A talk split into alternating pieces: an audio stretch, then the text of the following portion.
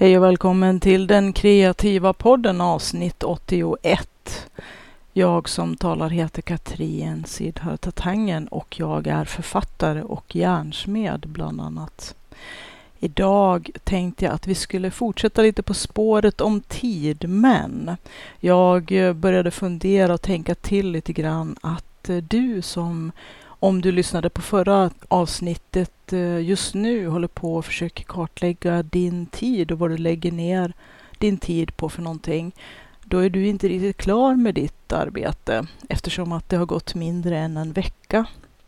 Och eh, de allra flesta tror jag kanske behöver lite längre tid.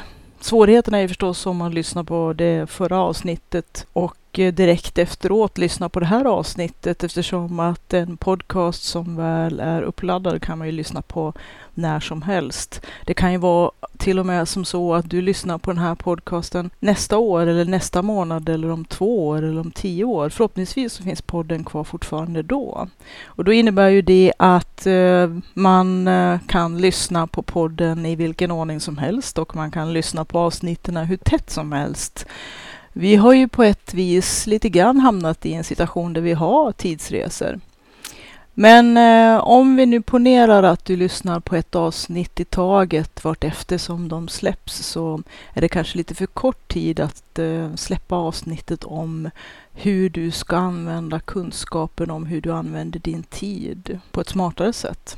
Just precis i det här avsnittet. Jag tänkte prata lite grann om det här med tid eh, ur lite andra aspekter än jag gjorde förra gången. Under tiden som du arbetar med ditt eget kartläggande kanske. Då kanske det kan tillföra lite extra dimensioner till ditt tänk. Det var i alla fall min tanke. Jag har läst lite grann på lite olika ställen. Jag är ju på en del skumma sajter och en del skumma bloggar och texter som jag läser som finns ute på nätet. Och en del av det arbetet blir ju del av den här podden till slut. Som lite research och förarbete och förberedelser innan jag gör den här podden. Och en av de eh, ställen som jag har varit och läst en del texter hos är en blogg som kallas för Wait But Why.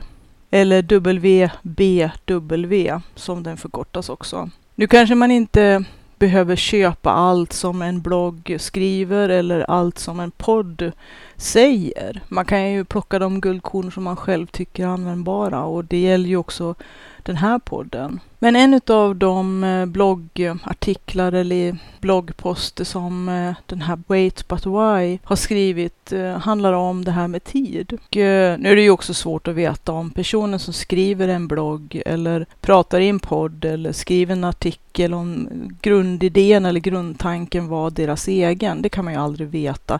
Det är klart man kan ju researcha och komma fram till att många har kanske skrivit och sagt en hel massa om samma ämne eller om samma fråga eller kommer fram till samma slutsats eller har samma grundidé eller kanske har i sin tur researchat och kommit fram till saker genom andras tankar och idéer. Lite grann så ser jag ju mitt eget tänkande att man plockar ju lite här och där och eh, försöker ju att korspollinera en massa olika saker som man kan ha användning av i sitt eget kreativa liv. Men hur det nu än är med den saken så det här blogginlägget ifrån 21 oktober 2016, det är ju några år sedan nu, så skriver den här eh, bloggen att eh, man kan ju dela in eh, tiden varje dag i block.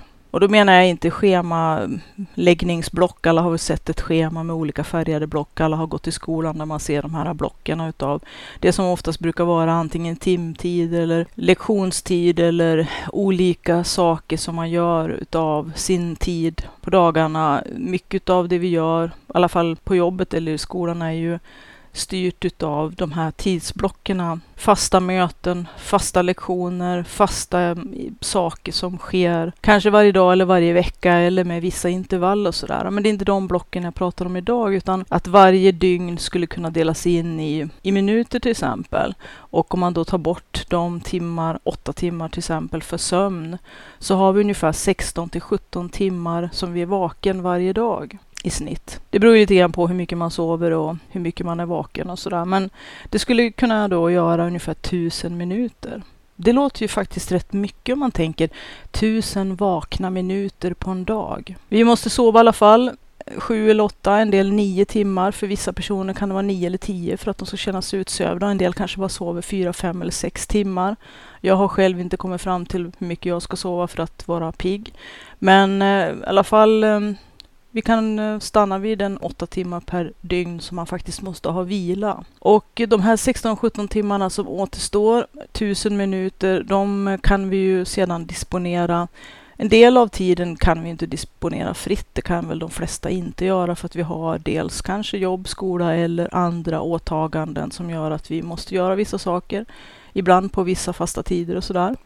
Och då har man ju lite grann det här blocktänkandet med scheman och så. Att om man nu tar de här tusen minuterna och eh, gör dem, omvandlar dem till tio minuters block. Då har man ju liksom en slags mer konkret mängd byggklossar som en enda dag består av.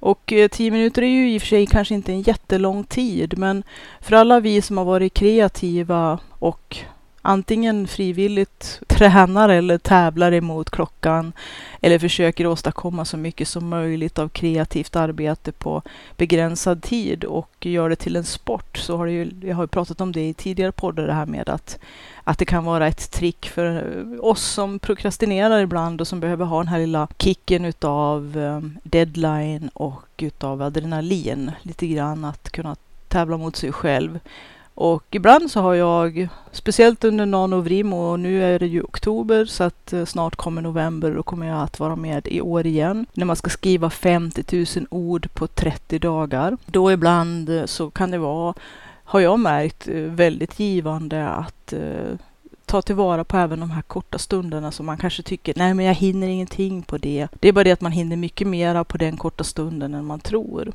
Bara att man ser till att vara i startblocken och um, ge järnet helt enkelt. Och då har jag ibland, eftersom att man då, när det gäller nanovrimo, det här, här blir det ju lite tydligare eftersom att då ska man ju eller vill man ju inför varje, i alla fall innan dagen är slut, innan klockan slår om från 23 kolon 59 och blir midnatt, så vill man ju då skriva in sin eh, word count, det vill säga hur många ord man har skrivit just den dagen. Och eh, då brukar det ju ofta bli så för mig i alla fall att eh, man har sysslat med en massa saker under hela dagen och man kanske har en väldigt kort tid kvar av dagen att ha fritt att disponera och när man är med i Nanovrimo så vill man gärna komma upp i åtminstone 1667 ord i snitt på en dag. Vissa dagar skriver man mer, andra dagar skriver man mindre, men i snitt måste man få ihop det för att det ska bli 50 000 om man vill då klara målet. Nu brukar jag skriva nanovrimo och inte alla gånger ha som krav att jag ska vinna som det heter i nanovrimo, det vill säga att uppnå just 50 000 ord. Ibland kan jag känna att jag är ganska nöjd med att ha uppnått 44 300 ord som jag gjorde förra året, därför att det är 44 300 ord som jag annars kanske inte skulle ha skrivit. Men då inför att man ska uppdatera sin word count varje sen kväll eller natt innan tolvslaget, då har man kanske några minuter till över. Så det är då jag har tävlat mot mig själv och liksom utmanat mig. Hur mycket hinner jag på 10 minuter? Hur mycket hinner jag på 12 minuter? Hur mycket hinner jag på 20 minuter? Hur mycket hinner jag nu innan klockan slår nästan över till 24.00? För att eh, jag vill ju hinna då knappa in min word count innan klockan slår om. Och det har ju gjort att jag upptäckt att herregud vad mycket jag kan skriva på kort tid. Jag skriver faktiskt mycket mer än vad jag tror när jag har lite pressat med tid. Alltså det beror ju inte på att jag har pressat med tid, men att jag faktiskt kan åstadkomma en hel del mycket mera ord och skriva mycket mera än vad jag själv har trott att jag kan på oftast ganska begränsat med tid. Och då har det blivit lite grann av en sport för mig att uh, strax innan wordcounten ska uppdateras så mm, gör jag ett sånt här uh, skrivrace. Och det är ju i och för sig ingenting som är revolutionerande nytt på något sätt eftersom att för det första i Nanovrimos historia, jag var ju inte med från start. Jag upptäckte det här någonstans 2007 eller 2008. Men Nanovrimo, det startade ju från allra, allra första gången 1999 eller vad det var för någonting. Att eh, det här med eh, De kallar det för word sprints, det vill säga att man då, eller mm, vad heter ordrace, eh, att man kan då dels med okända personer på Nanovrimos hemsida, men också kanske med sina, om man nu har skrivarkompisar eller man har via Nanovrimo så kan man ju connecta med folk lokalt och gå på olika dels olika kick-offs och olika event på skrivarkaféer och träffas. Men också sitta hemma vid datorn och eh, snacka med varandra och det finns väldigt fina forumsidor där man kan diskutera alla möjliga skrivarproblem och eh, problem som man kanske har med sin eh, roman som man vill skriva eller sin plott och sådär. Men också göra de här skrivarracen. Och det är ju samma sak som jag har gjort, fast jag har gjort det mot mig själv bara. Att jag liksom har sett att okej, okay, nu är det så här lång tid kvar innan midnatt och hur mycket kan jag skriva på 23 minuter innan jag måste uppdatera min uh, word count? Och så har jag skrivit som en, som en liten, ja, som en liten iller har jag legat i och skrivit. Och då har jag efteråt tyckt att ja, faktiskt, jag har fått ihop ganska många ord och det är ord som jag för det första inte skulle ha haft, men inte heller trodde att jag hade kapacitet att kunna skriva på så himla begränsad tid. Så det här med att dela upp dagen i tidsblock, i tio minuters block, det kan ju ge en dels en um, liten annan syn på det här med tid. Att faktiskt hundra block som man kan disponera. Och som sagt, inte allihopa har man kanske inte, i alla fall inte till vardags, har man kanske inte rätt eller möjlighet att kunna disponera helt och hållet fritt för att vi har vissa, vissa obligations, alltså vissa plikter som måste in i det här äh, varje dag till vardags i alla fall. Och på den här bloggen äh, Wait But Why så har han, äh, eh, han har ritat upp en liten sån här grid eller ett litet litet rutnät med hundra block. På något vis, jag vet inte varför, men det här tilltalar mig på något vis. Att man har 10 gånger 10 i ett sånt här rutnät med block som, som man på något vis, eh, jag vet inte, tiden känns som eh, mera konkret och inte så himla abstrakt. En dag kan ju liksom väldigt lätt fluffa bort och övergå till en annan dag utan att man nästan knappt vet vad som händer när man på kvällen tänker att jaha, nu är det dags att gå och lägga sig igen och vad åstadkom jag i, i, idag eller under min lediga tid idag? Jag vet knappt. Jag liksom, vissa dagar så, så känns det väldigt diffust. Den här, det här rutnätet med hundra block gör det väldigt konkret på något vis. Att man kan ju sitta då och rita in de här äh, blocken om man nu vill använda färgpennor och har kanske olika färgkoder för olika aktiviteter. Att äh, ja, man måste kanske handla, man måste laga mat, man måste äta mat och man kanske tvättar och diskar. Och man kanske gör en massa sådana här äh, vardagliga saker. Hur mycket av de här blockerna använder man? Hur mycket av de här blockerna går åt? Jag kan ju tänka mig att eh, för er eller för dig som sitter just nu och gör en kassabok enligt eh, förra avsnittets uppmaning och utmaning, då kanske det här också skulle kunna vara ett alternativt sätt att eh, få koll på hur man disponerar sin tid och skriva sin tids kassabok. Och jag kommer att tänka på i förra avsnittet när jag pratade om det här med kassabok att eh, det låter ju lite rutigt i sig så här liksom. Ekonomi och pengar och kassabok och sådär. Men så slog det mig att faktiskt kassabok är nog ett otroligt relevant begrepp i sammanhanget. Att visserligen är vi väldigt eh, medvetna om pengar och ekonomi eftersom att det på många sätt styr oss. Vi måste ha hyra och mat och allt det här, eh, kläder på kroppen. Och det kan vara pressat ibland. Så att vi har ju ganska så bra koll på det här med pengar och Eh, det är något som på något vis automatiskt naturligtvis har en stark betydelse och inverkan i vårt liv.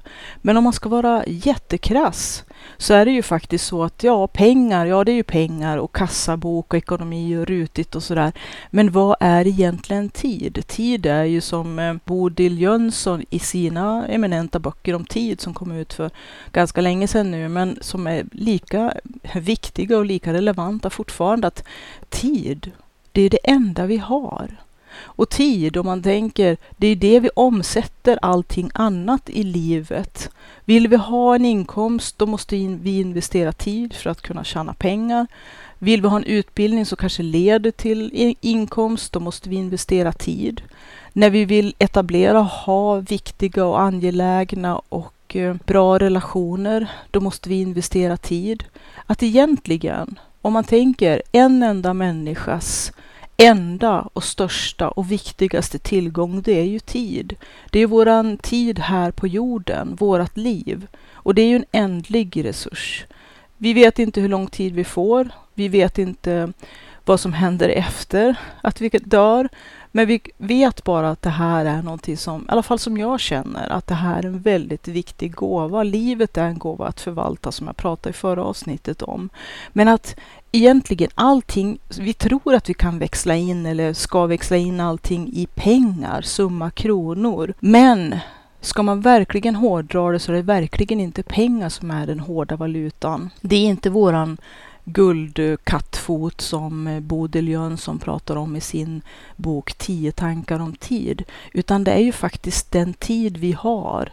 Det är våran absoluta och enda valuta. Våran enda verkliga resurs. Allt det andra det är klart pengar kan köpa mycket men det kan inte köpa hälsa. Det kan inte köpa välgång eller det kan inte köpa lycka. Det kan inte köpa kreativitet. Det kan inte köpa förverkligande utav våra idéer och våra drömmar, våra visioner. Vi kan köpa flotta saker om det nu är det vi tror är att förverkliga våra drömmar som en del förväxlar lycka med. Det tror inte jag på. Alla får ha sin tro. Men jag tänker att tid, det är verkligen guldtackorna i vårt liv. Och då den här fyrkantiga rutsystemet med tio stycken rutor åt det ena hållet och tio rutor åt andra som tillsammans blir hundra. Tio gånger tio. Det är våran dag. Och man skulle då kunna sitta och färga de här blocken utifrån vilka olika aktiviteter som en dag består av. Och då skulle vi förstås, nu har vi tagit bort sömnen de timmar det gäller. Sen kanske man då i det här rutnätet under vaken tid ritar in ganska många rutor för tid man måste jobba, tid man tar sig till jobbet och till från jobbet och hämta barnen och laga maten och, och allt vad det kan vara för någonting. Sen så blir det kanske några block kvar. Vissa dagar blir det inte så många block. Man hinner bara i princip natta barnen så det är dags att själv knoppa in. Andra dagar kanske man har dels lite mera tur med andra aktiviteter eller man kanske inte bara ska tänka att det handlar om tur utan lite grann om planering. Jag pratade om det i förra avsnittet, det här med att själv faktiskt i lite högre utsträckning i alla fall bestämma vad man vill att ens liv ska bestå av och välja bort en del saker för att skapa mera utrymme. Och då kan det ju vara det att man har några flera block per dag att jonglera som man har som fri man brukar prata om disponibel inkomst, men här pratar vi om disponibel tid. Alltså hur många ytterligare block jag kanske kan eh, få möjlighet att spendera på ett eget sätt eller på det sätt jag själv vill. Och ändå fortfarande naturligtvis, som jag pratade om i förra avsnittet, har gjort de saker som en bra medborgare och de, enligt de åtaganden och plikter som jag har tagit på mig och som mitt liv består av. Mina roller, mitt jobb, att jag ändå har gjort de bitar som jag ska göra och att ändå skapat lite mera utrymme, fått det här lilla spacet extra för att eh, mera kunna satsa på de saker som känns viktigare och angelägnare än vad jag kanske idag låter belamra min dag. Jag är fullt medveten om att de allra flesta är väldigt, väldigt pressade tidsmässigt. Speciellt om man både jobbar och familj. Det kan jag skriva under på. Och det är väldigt många krav på saker. Men ändå är det ju en hel del utrymme som vi kanske låter invaderas utav saker som vi antingen inte har valt själv eller som vi är för kanske konflikträdda för att ta strid om. Eller att vi kanske bara låter saker och ting gå och rulla av egen fart och på sitt eget sätt. Och att det är andra som skriver in i sin kalender eller låter sina egna prioriteringar kanske ta över våra egna val. Att det, det är klart att det är ju på ett vis bekvämt att inte göra några aktiva val och låta andra styra upp saker. Men då är det ju att de styr upp det efter sin egen bekvämlighet och efter sina egna prioriteringar och då är det väldigt lätt att det inte egentligen i slutändan blir så som det är ju ditt liv det är ju du som måste styra så att ditt liv blir det som så mycket som du kan enligt det som du behöver och vill att det ska vara och vad du vill åstadkomma och bli i det här livet. Det är lite tuffa papper på ett vis, men samtidigt så tycker jag också att det ger väldigt mycket egenmakt.